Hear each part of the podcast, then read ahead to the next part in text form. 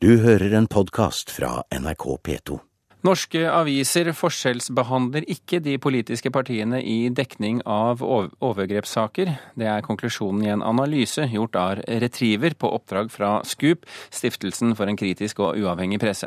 Sju ulike skandaler har rammet norske partier de siste årene, fire av dem i Fremskrittspartiet.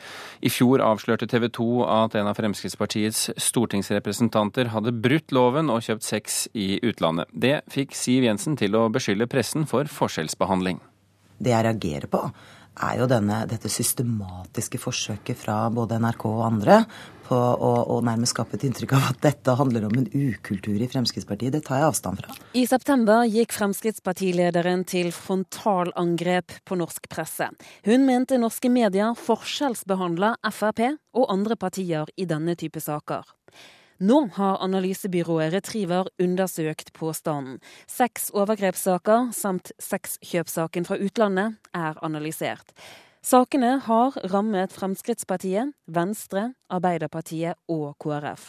Retriever har gått gjennom mediedekningen i 23 aviser de første ukene etter at politikerne ble navngitt i sakene, som overgrepssaken i Venstre.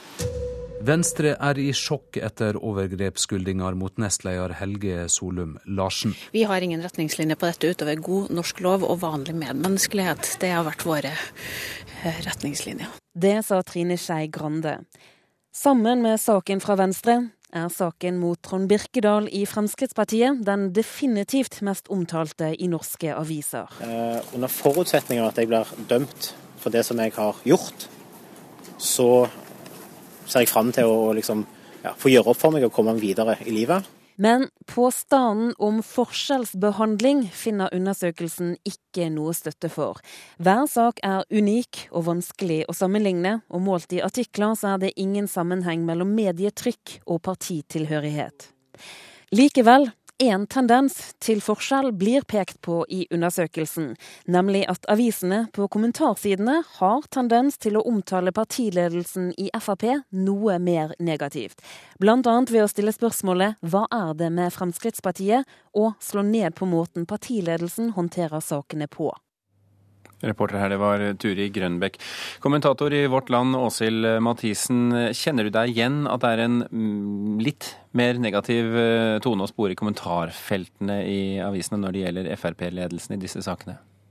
Ja, eh, og det er på et vis forståelig òg fordi Frp har en ukultur. Uh, og uh, altså til sammenligning, hvis uh, f.eks. Uh, når det gjelder Solum Larsen-saken Hvis det hadde kommet frem at Venstre har et problem med alkohol i sin partikultur, så tror jeg at det ville være langt mer bråk rundt det. og så selvfølgelig Frp har en tendens til å håndtere saken også slik at de skaper mer kritikk og kommentarer rundt det.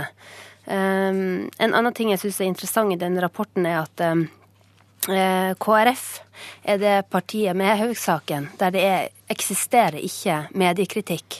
Selv om det kanskje kunne være relevant eh, at man kritiserte det at, parti, at, at, media aldri satte søkelys på at en kvinne forsøkte å lytte til en kvinne, noe jeg tror ville vært tilfellet hvis det var et annet parti. Kommentator i Dagsavisen Hege Ulstein, kjenner du deg igjen i eh, et noe mer negativt eh, skinn i kommentatorfeltene når det gjelder Frp-ledelsen i sånne type overgrepssaker som vi her snakker om?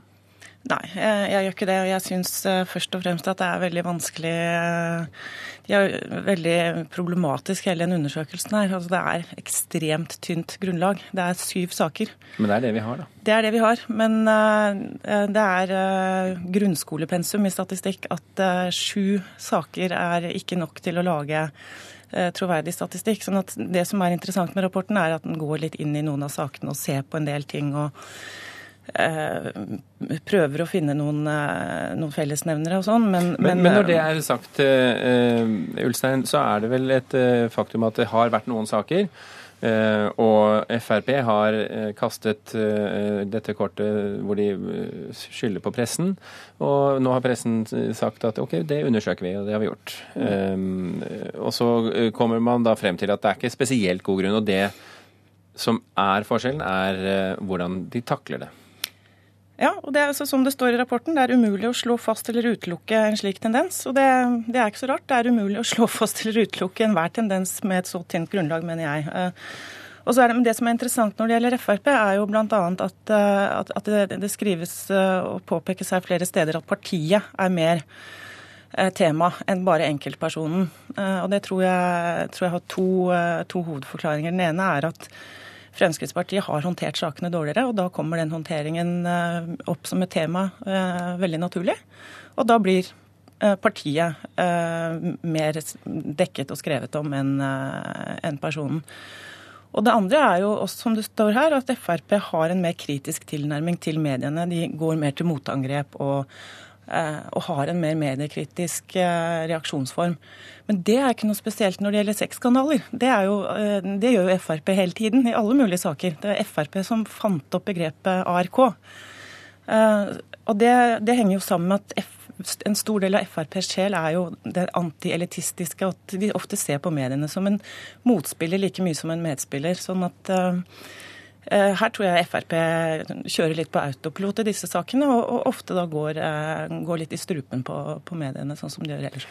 Og la det være sagt at Frp har selvsagt eh, fått tilbud om å komme hit i dag og, og snakke om denne saken, og har valgt å ikke gjøre det. Åshild Mathisen, syns du det er noe i denne påstanden som vi hører hele tiden, at det er forskjellsbehandling av Frp?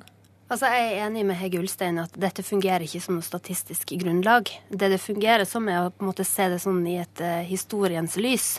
Uh, og um, jeg syns én ting som er interessant med den saken om Rune Øygard, er at uh, det er så lite kommentarstoff på den saken. Ja, hva skjedde der? Hvorfor, hvor, hvorfor, var det en sak som ikke fikk kommentatorene til å blomstre? nei, det kan du spørre om. Altså, jeg tror at en av årsakene kan være at det ikke er foreløpig lett å koble dette Altså dette fremstår som en personlig tragedie. Og det er altså ordføreren i Vågå vi snakker det, om her, ikke sant? Det er det Siv Jensen ønsker å måte gjøre med sine saker, få det til å fremstå som en personlig tragedie, men det blir for kobla opp til kulturen i partiet. Her fremstår det mye mer som en, en privat sak. Eh, man skjerma jo også jenta lenge med å, å holde hans navn eh, hemmelig. Men, men det, det, handler det var jo, ingenting om at det er Arbeiderpartiet vi snakker om, da?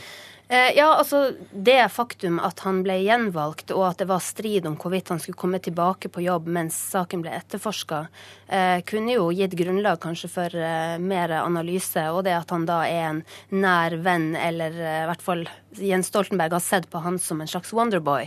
Eh, så det syns jeg nesten blir mer interessant hvordan man behandler Arbeiderpartiet enn det vi allerede vet om Frp.